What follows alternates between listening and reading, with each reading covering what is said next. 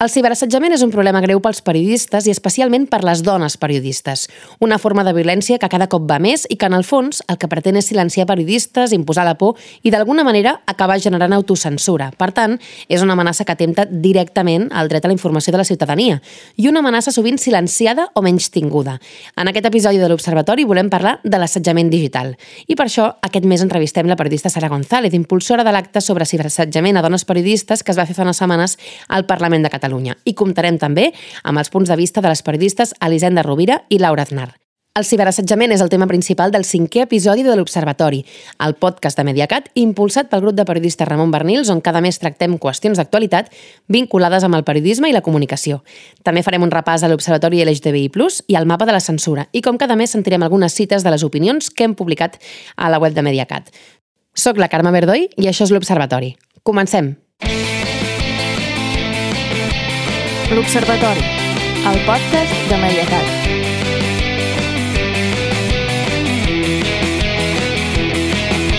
El 73% de les periodistes han patit ciberassetjament segons un estudi de la UNESCO. Un tipus de violència creixent i que passa sobretot quan es publiquen informacions incòmodes per qui té poder.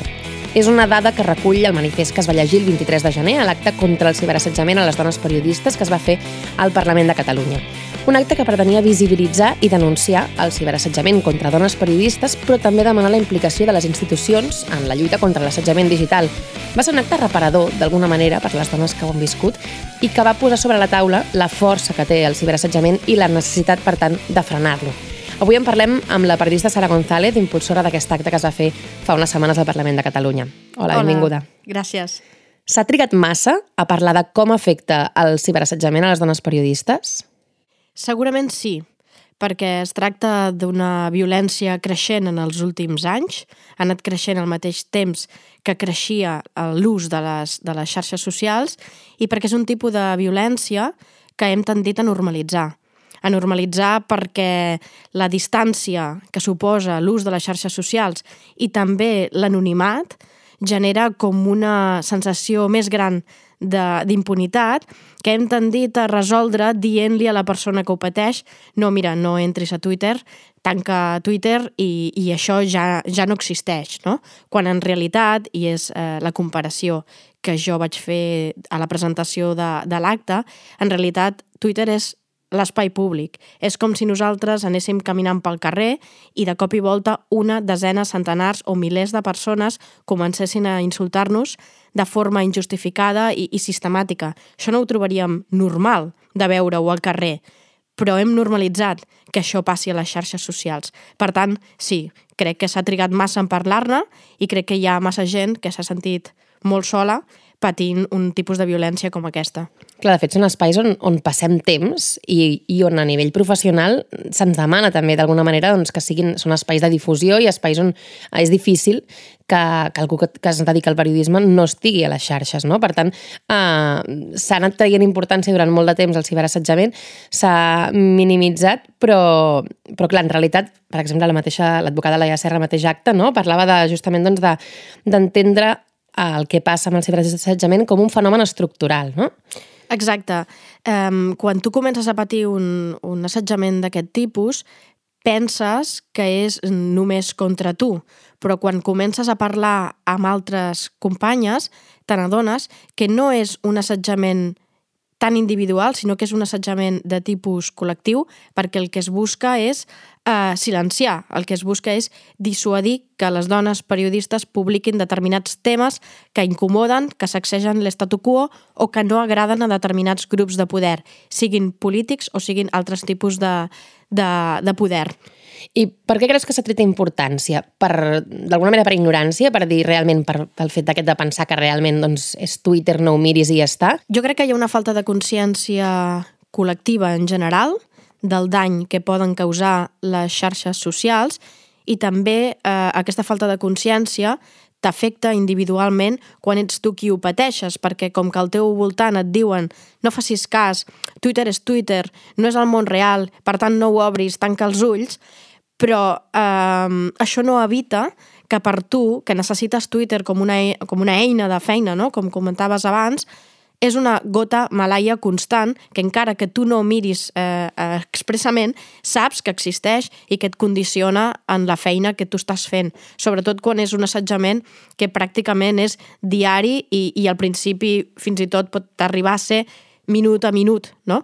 Això, òbviament, tu saps que existeix, tu saps que estàs fent la teva feina el millor que pots i el millor que saps, però que hi ha eh, una, una gota malaia que no, que no cessa i que no cessa eh, de forma absolutament injustificada, no? perquè no estem entrant en el terreny de la crítica constructiva o la, la discrepància expressada amb respecte.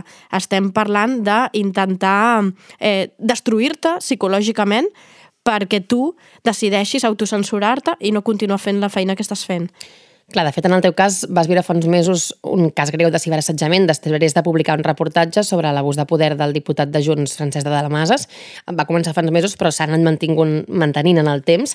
Um, no sé si viure una situació així, a banda de tota aquesta part personal, que evidentment és greu i és la, i la part més difícil, però si també uh, t'ha condicionat a l'hora de treballar. És a dir, d'alguna manera, això que comentaves ara, uh -huh. uh, aquest assetjament digital uh, t'ha portat en algun moment a, a l'autocensura, a plantejar-te doncs, algunes coses o de vigilar realment molt més eh, el que publiques o el que comparteixes, potser? Jo he tingut molt clar des del principi el que buscaven, que era que no continués publicant sobre aquesta qüestió i justament perquè era molt conscient del que buscaven, jo he continuat fent la meva feina com creia que l'havia de fer i amb els criteris periodístics que crec que s'han de, que, crec, que crec que s'han d'aplicar sense en cap cas deixar de publicar res que tenia a, a l'abast. Altra cosa és que jo he continuat publicant, òbviament, amb una afectació personal i psicològica que, com comentava, no és gens agradable, però jo he intentat en tot moment que laboralment no m'afectés. Insisteixo, altra cosa és amb quina actitud o amb quina situació psicològica tu continues fent aquesta feina. De fet, segurament eh, aquesta solitud o aquest sentir-se sola és una de les coses més difícils. En el teu cas has comentat que tot i això t'has sentit eh, molt acompanyada, però sí que eh, en general, i pel que també es va comentar, van comentar diferents periodistes a l'acte, no? són situacions que se solen viure amb molt de silenci col·lectiu, no? Um, i potser justament, també és una reflexió que va sorgir de l'acte, no? que eh, potser hi ha hagut massa, ha pesat massa aquesta idea de no alimentar els trolls i ens hem oblidat de qui estava patint, és a dir, potser realment ha faltat més eh, alçar la veu més vegades per part de, a nivell general, eh? a nivell doncs, de, de companys o de quan es veia que, que estava passant una situació així. Per descomptat, jo he constatat, i no és el meu cas, perquè em sento molt afortunada en aquest sentit, eh, que he tingut l'acompanyament tant del grup Bernils com de la professió en general i, i les companyes i companys amb qui comparteixo moltes hores eh, seguint la, la política catalana, però hi ha altres companyes que s'han trobat absolutament soles i patint aquesta situació en silenci sense el suport no només dels seus equips, sinó també de, de les seves respectives empreses, no? que aquí també s'obre un tema important tant sobre quin és el tipus d'acompanyament que s'ofereix des de les empreses periodístiques quan es dona un cas de, de ciberassetjament. Um, però sí, sí, aquí hi ha hagut molt patiment en silenci i, de fet, um, la necessitat de fer aquest acte eh, jo la vaig constatar justament parlant amb altres periodistes que s'han trobat en aquesta situació i que fins i tot jo, coneixent-les durant anys, desconeixia que, que haguessin patit tant. Clar, uh, de fet, exacte, uh, si el ciberassetjament afecta dones periodistes, és veritat que, doncs, que hi ha periodistes freelance, però malgrat ser freelance també treballen per mitjans de comunicació o publiquen en mitjans de comunicació, és a dir que si, la ciber, si aquest, ciber, aquest assetjament digital per informacions que han publicat en aquests mitjans, els mitjans haurien de poder acompanyar o poder donar resposta o tenir protocols que no sé si ara existeixen uh, per quan passin situacions com aquestes. No sé si en aquest cas encara falta molt camí per córrer o si estan començant a posar. Totalment. Eh, quanta més precaritat hi ha per part d'una periodista, més alt és el nivell de vulnerabilitat que té aquesta periodista eh, quan pateix un ciberassetjament a les xarxes socials. I per descomptat, que encara que siguin freelance, les mm, empreses de comunicació s'han de fer responsables d'acompanyar a aquestes treballadores quan es troben en una situació com aquesta. Um, la veritat és que hi ha un dèficit, hi ha una assignatura pendent d'aplicar els protocols d'assetjament per part de les empreses periodístiques i fins i tot aquelles que estan més avançades aplicant-los s'han quedat obsolets perquè s'han d'actualitzar justament per fer front no només a, a l'assetjament sexual de tipus presencial, sinó que falten eines per incorporar també eh, com combatre aquest assetjament a les xarxes, aquest assetjament digital. El fet d'haver minimitzat o haver silenciat d'alguna manera el ciberassetjament ha, ha fet que hagi acabat sent realment una via fàcil per poder fer callar uh, les veus crítiques o el periodisme senzillament, és a dir, qui denuncia una injustícia, perquè semblava que uh, assetjar a través de les xarxes doncs, no era important. Totalment. És que al final col·lectivament, eh, com a societat, hem normalitzat que a través de l'anonimat que t'ofereix les xarxes socials doncs tinguis barra lliure per dir el que consideris contra qui consideris sense eh, una mínima ètica i un mínim respecte, no? que al final crec que quan se'm pregunta com podem combatre no, el ciberassetjament, crec que tot parteix de la base d'una educació eh, una educació també en igualtat i també una, una base de, de respecte que crec que, que salta pels aires en aquests casos. Quan la gent comença a llegir doncs, temes que pel que sigui, per la seva ideologia, doncs resulta que aquella realitat que li estàs explicant no li agrada i en comptes d'intentar ser crític amb aquesta realitat per canviar-la, el que fa és, mm, de tota la vida, no? matar a la missatgera. Exacte. I fins a quin punt l'anonimat o el suposat anonimat de les xarxes facilita aquesta impunitat? Perquè això potser es pot començar a canviar, en realitat. No? És a dir, que si es porta, eh, evidentment, si no es fa res, no, però potser si es fa, no sé si s'han de fer denúncies o, de, o si, de, si es porten els casos doncs, eh, perquè es puguin investigar, potser aquesta suposada anonimat canvia o realment hi ha una impunitat en el món digital? Jo crec que hi ha una impunitat en el, en el món digital perquè de la mateixa manera que les empreses periodístiques tenen falta d'eines per combatre el ciberassetjament, això passa també a, a nivell judicial. És a dir, tu, com, com afectada, quan et planteges si poses una denúncia o no, també penses en totes les conseqüències que pot implicar interposar aquesta denúncia. I et preguntes, si jo interposo aquesta denúncia, les persones que siguin citades a declarar judicialment callaran o continuaran assetjant a les xarxes. Um, si després, amb aquesta denúncia, t'acaben mm, donant la raó, continuarà aquest ciberassetjament o no? I si no et donen la raó i diuen que tot plegat entra dins de la llibertat d'expressió, continuarà aquest ciberassetjament quan tu el que vols és que pari? Clar, aquí també ens hem de remuntar a quin és l'origen d'aquest ciberassetjament. Si és una reacció espontània de milers de persones o realment hi ha qui l'orquestra des, de, des del darrere i per tant decideix quan apreta el botó perquè s'activin totes aquestes persones que, que et fan un linxament a les xarxes o quan eh, diuen que, que parin no? en funció dels seus interessos.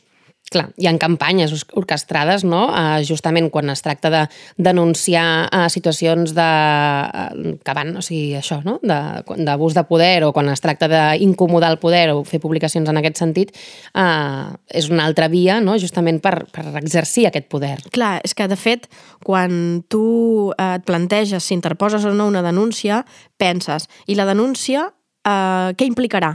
Una investigació que acabarà si t'han de declarar aquestes persones, algunes anònimes i d'altres no, però que veus que amb nom i cognom doncs, tenen una adscripció a determinats grups de, de poder, o aquesta investigació arribarà al fons de la qüestió, que és a aquell eh, poderós i poderoses, eh, eh, el que deia l'advocada Laia Serra, no? els senyors que assenyalen i que no es taquen les mans, aniran la, des de la investigació a l'origen d'aquesta campanya de ciberassetjament, clar, tu no tens la certesa que això passi.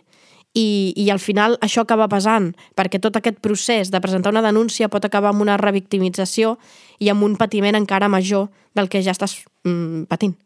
Està clar.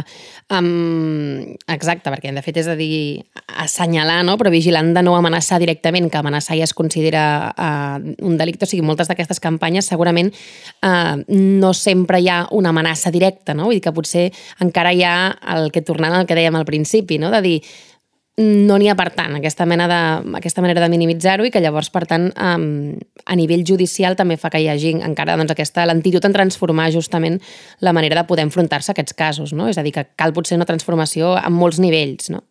La veritat és que tenim una complexitat a l'hora d'identificar no? què entenem com un ciberassetjament i què no, perquè tothom sap identificar una amenaça explícita a la teva integritat física, però en canvi aquest tipus d'insults de forma sistemàtica i sostinguts en el temps, que el que fan és qüestionar que tu ets on ets, no per la teva vàlua professional, sinó perquè ets la dona de, o perquè has fet no sé quants eh, favors sexuals, perquè al final eh, les dones periodistes que pateixen ciberassetjament estem parlant d'un linxament amb qualificacions d'aquest tipus, desqualificacions d'aquest tipus, doncs la veritat és que eh, és, és difícil per una part de la població detectar que això és un ciberassetjament.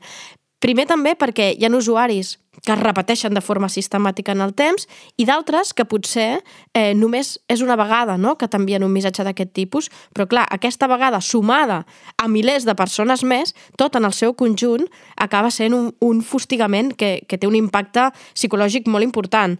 Però clar, tot en el seu conjunt, la veritat és que el retrat complet ho té la persona que ho pateix, però potser els observadors externs no. Clar. I, per tant, eh, per intentar frenar-ho, que és una mica també el que es va parlar molt en aquest acte, no? per intentar frenar-ho, eh, està clar que mm, s'hauria de poder atacar per totes les vies, però um, per on s'hauria de començar? És a dir, què creus que és el més important? En què es pot fer a partir d'ara per començar a frenar-ho i, i, mica en mica, doncs, a intentar combatre aquest fenomen? Doncs és una de les coses que més em preocupen perquè a partir de l'acte, no, que es va dir, és un punt d'inflexió. D'acord, sí Ara com continuem? I crec que per continuar doncs, s'ha doncs, de treballar a molts nivells. Abans ho mencionava, mm, és bàsic una educació i és bàsic també una formació en l'ús de, les, de les xarxes socials. Com a, com a col·lectiu periodístic jo crec que és moment de poder sumar esforços entre totes eh, les associacions i col·lectius que hi hagi a la professió per intentar fer una pluja d'idees de quines eines tenim al nostre abast per posar-les sobre la taula de les nostres empreses periodístiques i que com a mínim um, les companyes que, que es trobin en una situació com aquesta tinguin eh, un acompanyament. O sigui, el primer és que aquestes persones no se sentin soles, que tinguin un assessorament psicològic, que tinguin també un assessorament jurídic, perquè puguin decidir si denuncien o no denuncien. Això em sembla el mínim pel qual podem treballar, perquè després, quan estem parlant d'una doncs, educació, òbviament, no ho canviarem lamentablement, de la nit al dia. No? Al final és un tipus de violència que s'emmarca en el masclisme i el patriarcat estructural i sabem totes que, que, que no és fàcil canviar aquesta situació. Tens la sensació per això que després d'aquesta sensació que hi havia en l'acte com de punt d'inflexió, com de, uh, de presa de consciència col·lectiva també d'alguna manera, uh, tens la sensació que sí, que sí que, poden, que es poden canviar coses, és a dir, que també per part de les institucions, les institucions doncs, agafen un altre o, o, o són conscients d'aquest fenomen que es pot canviar? És a dir, creus que és possible eh, aquest canvi? Mai, eh, com a periodistes, ens hem de resignar a creure que no podem canviar les coses, no? De fet, és, és la base de, del nostre ofici i, per tant, jo crec que a partir de les preses de consciència és possible que es moguin coses i de fet després de l'acte doncs, hi ha hagut una, una resposta de diferents estaments que s'estan movent i que estan demanant parlar amb la professió perquè posem sobre la taula quines opcions i quines eines podem treballar per poder intentar, com a mínim, mitigar aquesta situació. Ja no dic frenar, perquè, insisteixo, és una qüestió d'educació que trigarà temps, però com a mínim que les persones que ho pateixen no se sentin soles i patint en silenci. I per acabar, um, què recomanaries a algú que, que s'hi hagi trobat o que, o que ara doncs, de cop i volta comenci a passar per una situació com aquesta de ciberassetjament? Jo crec que el primer és eh, poder compartir aquest neguit. És a dir, que si es troba en un entorn que li diu que ho minimitzi, que no obri Twitter, que no miri les xarxes socials, que no faci cas perquè les xarxes socials no són representatives de, de la societat, però si ella ho està patint eh, de tal manera que necessita un acompanyament, que ho, que ho comparteixi amb, amb les companyes, per descomptat, que es pot posar en contacte amb els diferents col·lectius de, de periodistes, per descomptat, que es pot posar en contacte doncs, amb altres companyes que, que hem patit aquesta situació i que estem fent xarxa, perquè al final l'acte també era una manera de visibilitzar que la resposta ha de ser col·lectiva i justament per això també vam anunciar la posada en marxa del, del hashtag prou assetjament periodistes per visibilitzar aquesta situació cada vegada que una companya més ho, ho, ho pateixi. Just ara no, que hem fet aquesta presa de, de consciència, eh, més que mai, eh, si us plau, que si hi ha algú que ho pateixi, no se senti sola de cap de les maneres perquè estem amb ella. Doncs uh, queda clar. Moltes gràcies, Sara González, per acompanyar-nos avui i, i explicar-nos, posar una mica més de, de paraules a, a tot el que és el ciberassetjament. Gràcies a vosaltres.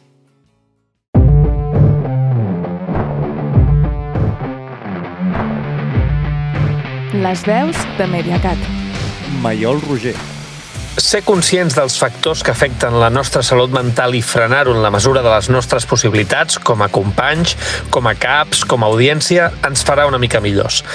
Ni que sigui perquè aquells que van començar amb la il·lusió de menjar-se el món i han volgut deixar-ho tot, s'ho puguin repensar. L'amenaça del ciberassetjament és un dels temes que tractarem al nou anuari Mediacat, una publicació en paper que presentarem al mes de març i que a partir del 9 de febrer es pot reservar en prevenda a través de la web de Mediacat. Ho hem comentat a l'entrevista, la necessitat de suport institucional és clau perquè denunciar el ciberassetjament individualment valgui la pena. És el que reivindica Elisenda Rovira, vicepresidenta del grup Bernils. Xata, busca't un manso de box. Malfollada, necessites una bona polla. Què els has fet als teus caps perquè et deixin publicar? Quantes fal·lacions has fet per arribar on ets? Aquestes són frases reals que han rebut periodistes catalanes a través de les xarxes per l'única raó de fer la seva feina, publicar articles, explicar notícies per ràdio o televisió o difondre opinions que no agraden a tothom. Evidentment són només exemples, n'hi ha milers i algunes són molt més greus. Patir ciberassetjament té conseqüències professionals i personals, però també per al dret a la informació de tota la ciutadania, perquè els insults i les amenaces tenen l'objectiu de fer-nos callar i sovint provoquen autocensura o que hi hagi menys dones als mitjans. Però no és fàcil aixecar la veu. Ja pararan, tampoc és tan greu, hi ha companyes que han rebut atacs pitjors. És millor no donar ressols que insulten, es pensaran que ho explico perquè busco protagonisme. Són alguns dels motius pels quals moltes d'aquestes campanyes passen desapercebudes i es pateixen en silenci. També perquè la persona que la rep no sempre té el suport necessari de l'empresa on treballa, dels companys o de l'opinió pública. Es tendeix a negar o a minimitzar la gravetat de l'assetjament digital. Si sabéssim quantes periodistes catalanes han patit assetjament digital, segurament se'ns posarien els pèls de punta, però no ho sabem. Al mapa de la censura de Mediacat recollim, verifiquem i quantifiquem aquests i altres atacs a la feina dels periodistes, però hi ha molts casos que continuen fora dels recomptes. Si heu patit ciberassetjament fent de periodistes on heu estat testimonis, us animem a fer-nos arribar el vostre cas però en aquest, com en tants altres àmbits, no podem posar la responsabilitat en les víctimes. Cal assegurar suport institucional i recursos especialitzats perquè aixecar la veu valgui la pena, que serveixi per alguna cosa, que no acabi sent pitjor. Fa unes setmanes es va fer un acte en seu parlamentària contra el ciberassetjament a dones periodistes que va servir per restablir públicament i que sigui una mica totes les periodistes que n'han patit. Però també hauria de ser un punt de partida perquè les institucions es comprometin a oferir recursos per fer-hi front i, sobretot, perquè els partits combatin les campanyes de trolls polítics contra periodistes i es responsabilitzin de les campanyes d'odi instigades per alguns que diuen defensar-los. Ho dèiem fa uns dies, és hora d'un mito periodístic. Cal que agrupacions professionals, empreses i institucions posem tots els mitjans necessaris perquè qualsevol dona periodista pugui aixecar la veu i dir «Jo també he patit ciberassetjament» i ja n'hi ha prou. De fet, per ajudar a posar nom allò que pot costar d'identificar i per saber com actuar, des del grup Bernil s'impulsarà un taller pràctic per saber què fer si has patit ciberassetjament o estàs en situació de patir-ne, amb expertes del camp de la comunicació, la psicologia, el dret i la reputació digital que orientin de forma pràctica sobre com actuar i com reaccionar-hi. Una de les preguntes incòmodes que surten a l'hora de parlar de ciberassetjament és com reaccionem o com hem reaccionat quan algú altre viu una situació com aquesta i si ens hem deixat endur per la por en comptes d'alçar la veu per denunciar-ho o expressar suport públic. En parla la periodista Laura Zanar, que hi reflexionava fa pocs dies en un article a Crític. La trobada al Parlament entre diferents periodistes que van compartir els casos d'assetjament digital que han patit va servir per visibilitzar aquesta xacra i també com a espai de denúncia, de reconeixement i de reparació. Però no n'hi ha prou i hauria de comportar també una revisió interna com a professionals i com a sector. Des d'una perspectiva personal, jo sé que hi ha companyes que de manera sistemàtica es troben a la diana de perfils de Twitter que es dediquen a increpar-les. També sóc conscient dels efectes que això té en clau emocional i laboral, però sovint he tingut un perfil baix davant d'aquests casos per por a que el hate es dirigís en contra meu. És a dir, que per protegir-me individualment segurament he contribuït al fet que companyes hagin viscut l'assetjament en solitud. I això, em sembla, és bastant extrapolable a com ha actuat la professió a l'hora de confrontar el ciberassetjament. Les lògiques que operen dins del sector ens impulsen a la competitivitat més que a la cooperació fins al punt que ens hem desresponsabilitzat d'actuar conjuntament contra aquestes violències? L'acte al Parlament fa molt temps que s'hauria d'haver celebrat, perquè d'aquesta manera, potser, les periodistes que han patit aquests casos s'haurien sentit més acompanyades. Però, sobretot, ha de representar un punt d'inflexió que serveixi per articular una resposta col·lectiva, un front comú per protegir les professionals i perquè l'assetjament digital contra les companyes no torni a quedar impuna. Si la trobada es va celebrar al Parlament no és per casualitat, sinó que era una forma d'exigir a les institucions que tinguin un paper actiu a l'hora de combatre aquesta forma específica de violència i també per interpel·lar els partits partits i els polítics a fer-se responsables de la seva acció interna i la dels trolls que formen part de la seva òrbita. Els ciberassetjadors busquen l'autocensura, busquen silenciar-nos que desapareguem, però no ho aconseguiran, perquè no callarem.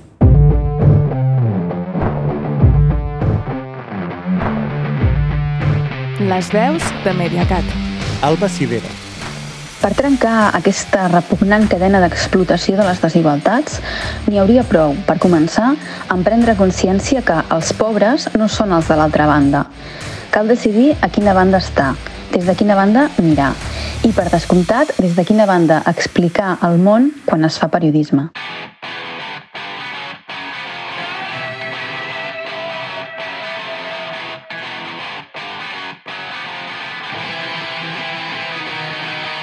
Aquest mes a Mediacat hem parlat del repte d'informar de temes de diversitat sexual i de gènere sense estigmes. A l'Observatori LGTBI+, hem publicat una entrevista a Ana Fornaro, codirectora de l'agència Presentes, un mitjà digital de l'Amèrica Llatina especialitzat en gènere, diversitat i drets humans. La va entrevistar Víctor Llustres, que destaca algunes recomanacions que fa a l'hora d'informar d'aquestes qüestions sense prejudicis. Construir una comunicació lliure de biaixos i discriminacions. Aquest és l'objectiu que persegueix l'agència Presentes, un mitjà digital amb col·laboradors a una desena de països d'Amèrica Llatina, especialitzat en gènere, diversitat i drets humans. A l'Observatori LGTBI de Mediacat hem entrevistat la seva cofundadora i codirectora, Anna Fornaro. Una de les línies més importants de treball de Presentes és la formació a periodistes de mitjans molt diversos perquè millorin el tractament de les temàtiques sobre la comunitat LGTBI. De fet, segons explica explica Fornaro, la por més gran que tenen els periodistes que formen a l'agència és equivocar-se i o no utilitzar bé les paraules, és a dir, parlar amb algú diferent i ser ofensiu sense voler. I per això li hem preguntat què necessita un o una periodista per informar de temes de diversitat sexual i de gènere sense estigmes ni discriminacions. Destaquem tres recomanacions. Primer, un assumpte fonamental. Cal dominar certs conceptes bàsics sobre la temàtica i sobre el glosari. És a dir, cal tenir una mínima perspectiva de gènere i un ABC sobre diversitat sexual per tenir desenvoltura amb les fonts principals, és a dir, organitzacions LGTBI o víctimes d'agressions. Segon, cal vigilar amb relació a les persones LGTBI constantment a informacions de temes morbosos o de violències o encasellar-les constantment amb temes de moda o d'oci. Això no fa més que alimentar prejudicis i contribueix a una visió molt reduccionista. I tercer, és important que el periodista sigui conscient de les múltiples opressions que pateixen els protagonistes de les seves informacions, és a dir, per qüestions d'ètnia, de gènere, de sexualitat, de religió. Això és fonamental quan s'aborden temes que impliquen vulneració de drets de poblacions molt diverses. Ara només queda que aquestes recomanacions es vagin aplicant a totes les redaccions, a banda i banda de l'Atlàntic.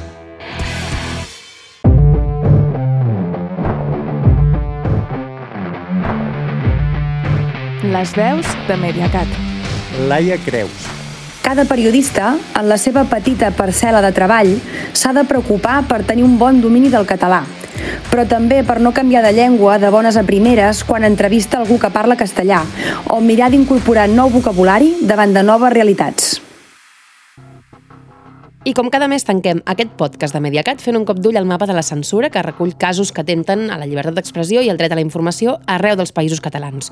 Un dels casos més sonats d'aquest mes de gener és l'acomiadament de Manel Vidal del programa Zona Franca de TV3. Ho explica Gemma Garcia, coordinadora del mapa de la censura. Hem arrencat l'any 2023 amb quatre incidents recollits al mapa de la censura que afecten tant el dret a la informació com la llibertat d'expressió. De fet, hem de començar destacant un cas que ha tingut moltíssima repercussió mediàtica i també a través de xarxes socials, que és l'acomiadament de l'humorista Manel Vidal de TV3 per un gag al programa Zona Franca. Vidal va utilitzar un quadre de posicionament amb l'eix esquerra-dreta i autoritari-llibertari i en posicionar el votant o representant del PSC en relació amb la independència de Catalunya, l'eix dreta i autoritari es convertia en una esbàstica i el situava a l'extrem superior dret. La direcció de TV3 va considerar que s'havien traspassat els límits i, a més d'acomiadar Vidal, va retirar el programa del web de la televisió pública i del canal de YouTube. Per això hem classificat precisament aquest incident tant en la categoria d'acomiadaments i precarietat com en la de censura d'expressions artístiques i acadèmiques. Però a més hem de remarcar que arran d'aquest acomiadament de Manel Vidal, tant el presentador de Zona Franca Joel Díaz com el guionista Magí Garcia han abandonat el programa. I al gener també hem recopilat un cas de censura d'expressions artístiques i un d'una agressió física a una periodista. També en la categoria de censura d'expressions artístiques recollim l'atac contra dos murals de temàtica feminista i antifeixista al municipi de Bellreguard, a la Safor, al País Valencià. Durant el mes de gener, a més, registrem un incident en la categoria d'agressions físiques que va tenir lloc a Mallorca. Els fets van succeir el passat 17 de gener quan la periodista d'IB3, Marta Ferrer, cobria la festa del Pi de Sant Antoni a Pollença. En un vídeo difós per Twitter es pot veure com un jove llença la beguda a la reportera després de cridar-li que ha de respectar les persones. Per contextualitzar, cal afegir que la cadena pública precisament estava rebent nombroses crítiques per comentaris masclistes durant la retransmissió. I a més també incloem el cas d'una amenaça per part de la síndica d'Aran.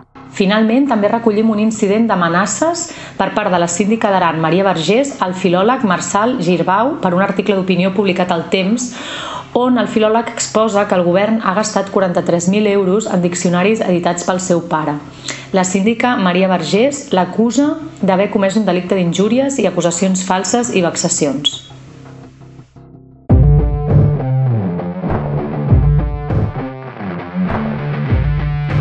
Les veus de Mediacat. Eric Lluent. De nou, han guanyat els mediocres, els hipòcrites, els enemics de la llibertat d'expressió, els que han respost a la conya de Manel Vidal al Zona Franca de TV3 de la manera més autoritària possible, censurant-lo. Arribem al final d'aquest cinquè episodi de l'Observatori, el podcast de Mediacat, que és possible gràcies al suport de la Fundació Catalunya Fons. Moltes gràcies a totes les col·laboracions que l'han fet possible i a l'Albert Avilés al control tècnic i al muntatge. Fins al mes que ve.